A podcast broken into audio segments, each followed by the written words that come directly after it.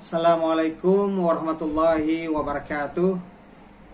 Apa kabar Bapak, Ibu, dan rekan-rekan sekalian yang berbahagia? Semoga kita dalam keadaan sehat walafiat dan selalu dalam lindungan Allah Subhanahu wa taala. Perkenalkan Bapak Ibu, nama saya Hidayatullah.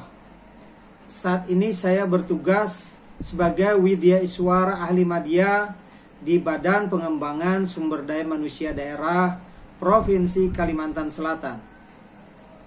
Pada kesempatan yang berbahagia ini, saya ingin membuat video tentang strategi pembelajaran untuk mata pelatihan pelayanan publik digital. Mata pelatihan ini merupakan salah satu dari beberapa mata pelatihan yang terdapat dalam agenda 3 pelatihan kepemimpinan pengawas. Bapak Ibu sekalian, rekan-rekan yang berbahagia, kita masuk ke pembahasan pertama, yaitu pembahasan tentang tujuan pembelajaran dari mata pelatihan pelayanan publik digital. Ada beberapa hal dalam materi yang pertama ini yang akan kita bahas. Yang pertama adalah deskripsi mata pelatihan. Deskripsi dari mata pelatihan pelayanan publik digital ini di mana diharapkan dari mata pelatihan ini dapat membekali peserta dengan kemampuan memahami dan menguasai konsep dan praktek pelayanan publik digital.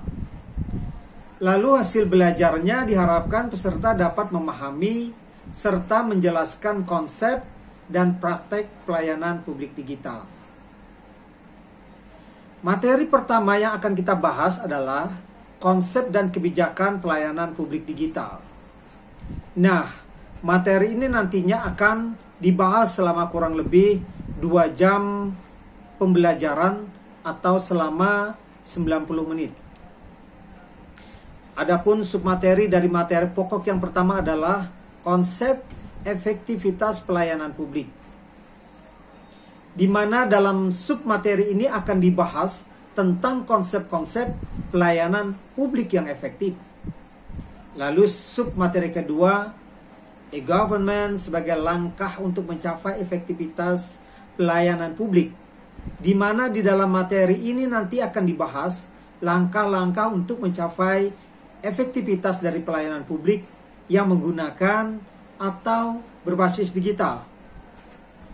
Dan yang terakhir, submaterinya adalah tentang kebijakan terkait pelayanan publik digital, di mana di dalam materi ini akan dibahas tentang kebijakan-kebijakan yang diambil oleh pemerintah, baik kebijakan yang di, diambil oleh pemerintah pusat maupun yang diambil oleh pemerintah daerah.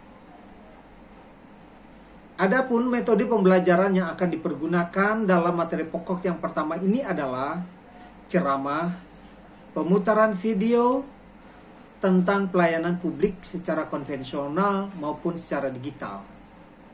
Selain itu juga metode pembelajaran yang digunakan adalah ceramah dan tanya jawab. Serta tidak lupa juga melaksanakan brainstorming atau curah pendapat dengan para peserta untuk menyamakan persepsi tentang pelayanan publik digital. Baik rekan-rekan semua, tadi telah kita saksikan bersama di materi pertama yaitu tentang konsep dan kebijakan pelayanan publik digital. Di materi yang selanjutnya kita akan membahas tentang jenis-jenis pelayanan publik yang berbasis teknologi, informasi, dan komunikasi Materi ini terdiri dari tiga submateri. Yang pertama adalah publikasi, yang kedua adalah interaksi, dan yang ketiga adalah transaksi. Di mana ketiga submateri ini akan dilaksanakan selama kurang lebih satu jam pembelajaran atau selama 45 menit. Yang di dalamnya akan dibahas tentang ketiga submateri ini sehingga diharapkan peserta akan dapat memahami secara jelas tentang apa itu jenis pelayanan interaksi, publikasi, dan apa itu jenis pelayanan transaksi. Sehingga para peserta nantinya akan mampu mengidentifikasi jenis-jenis pelayanan publik digital di instansi masing-masing. Adapun metode pembelajaran yang akan dilakukan dalam uh, materi ini adalah berupa ceramah dan tanya jawab. Sedangkan media pembelajaran yang dipergunakan dalam materi ini masih sama seperti materi sebelumnya, yaitu menggunakan laptop, TV atau LCD proyektor, modul, bahan ajar, dan bahan tayang. Bapak Ibu sekalian, serta rekan-rekan yang berbahagia. Sekarang kita masuk ke materi selanjutnya yaitu materi ketiga, komponen utama pengembangan pelayanan publik berbasis teknologi, informasi, dan komunikasi. Materi ini nantinya akan dilaksanakan selama kurang lebih 2 jam pembelajaran atau sekitar 90 menit. Adapun submateri yang pertama dari materi pokok ini adalah faktor-faktor pendorong. Jadi nantinya kita akan membahas tentang faktor-faktor pendorong apa saja yang mampu meningkatkan implementasi pengembangan pelayanan publik berbasis teknologi, informasi, dan komunikasi, khususnya dalam penerapan di instansi pemerintah. Yang kedua adalah elemen sukses dalam penerapan konsep digitalisasi sektor publik. Dalam submateri kedua ini akan dibahas tentang elemen sukses apa saja yang dapat diterapkan dalam implementasi pelayanan publik berbasis digital di sektor publik. Untuk metode pembelajarannya selain ceramah dan tanya jawab juga dilakukan diskusi kelompok. Kita akan membagi uh, para peserta ke dalam beberapa kelompok. Untuk media pembelajarannya relatif masih sama dengan materi-materi sebelumnya yaitu laptop, TV atau LCD projector, modul, bahan ajar, dan bahan tayang. Bapak Ibu sekalian, rekan-rekan yang berbahagia, sekarang kita masuk ke materi yang terakhir atau materi yang keempat dari mata pelatihan pelayanan publik digital. Materinya adalah tantangan implementasi pelayanan publik. Di materi ini akan dilaksanakan kurang lebih selama 4 jam pembelajaran atau selama 180 menit yang di dalamnya terdapat beberapa submateri yaitu pada submateri pertama akan dibahas tentang kepemimpinan di mana dalam submateri ini akan dibahas tentang kepemimpinan seperti apa yang mampu untuk mengimplementasikan pelayanan publik berbasis digital. Pada submateri kedua yaitu tentang kebijakan di mana di dalam submateri ini akan dibahas tentang kebijakan seperti apa yang harus diambil oleh seorang pemimpin untuk mengimplementasikan pelayanan publik berbasis digital. Selanjutnya pada submateri ketiga adalah tentang infrastruktur telekomunikasi. Kenapa hal ini penting? Karena kita sebagai instansi pemerintah wajib mengetahui infrastruktur seperti apa yang harus dimiliki instansi pemerintah dalam pengembangan pelayanan publik berbasis digital ini. Sedangkan submateri yang keempat adalah tentang tingkat konektivitas dan penggunaan IT oleh pemerintah. Hal ini juga penting dikarenakan inti dari pelayanan publik digital adalah adanya informasi yang bagus. Pada submateri kelima, adalah tentang kesiapan sumber daya di lingkungan instansi pemerintah. Di mana di dalam submateri ini akan dibahas tentang kesiapan sumber daya manusia atau sumber daya lainnya untuk mengimplementasikan pelayanan publik digital. Pada submateri yang keenam adalah tentang ketersediaan dana dan anggaran. Hal ini penting dikarenakan dalam penerapan pelayanan publik digital, diperlukan adanya ketersediaan dana dan anggaran yang memadai untuk pengadaan teknologi, informasi, dan komunikasi yang memadai, dan lain sebagainya. Selanjutnya dalam submateri yang ketujuh adalah berkaitan dengan perangkat hukum.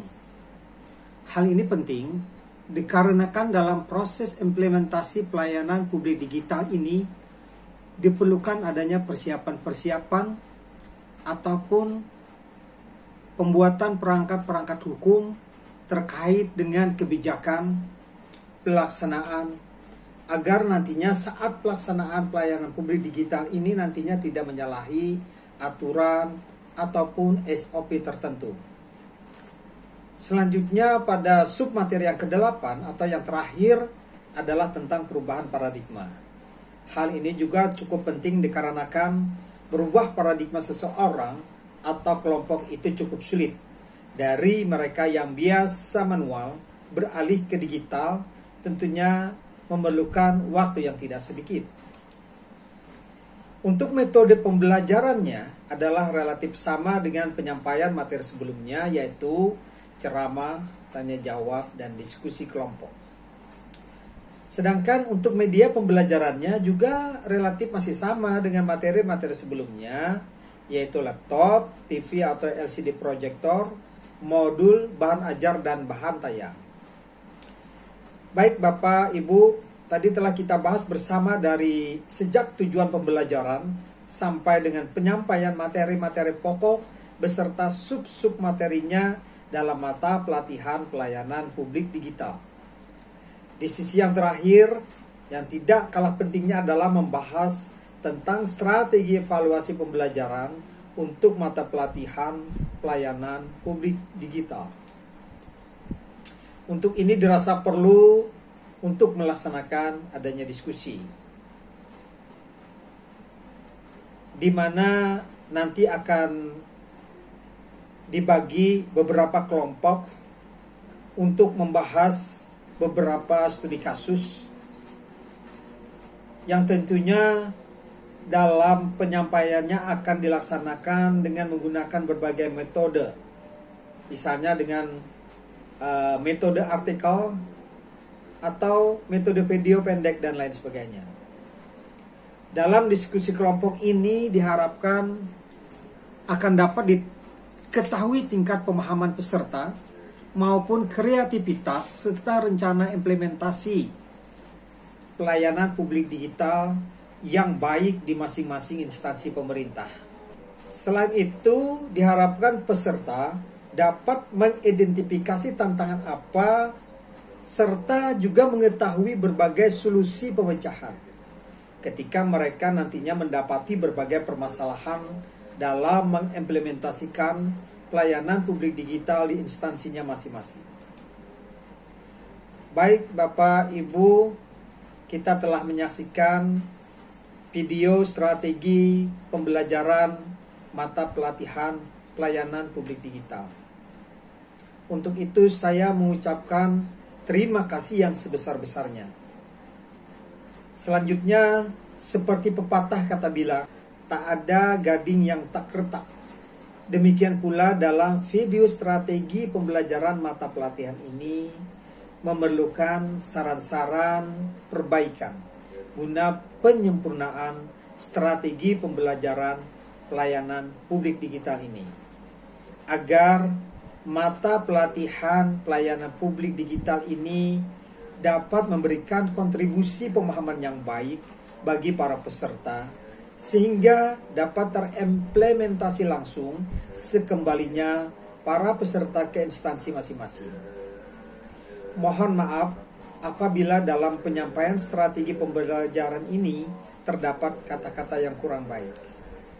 Akhir kata, billahi taufik wal hidayah. Assalamualaikum warahmatullahi wabarakatuh.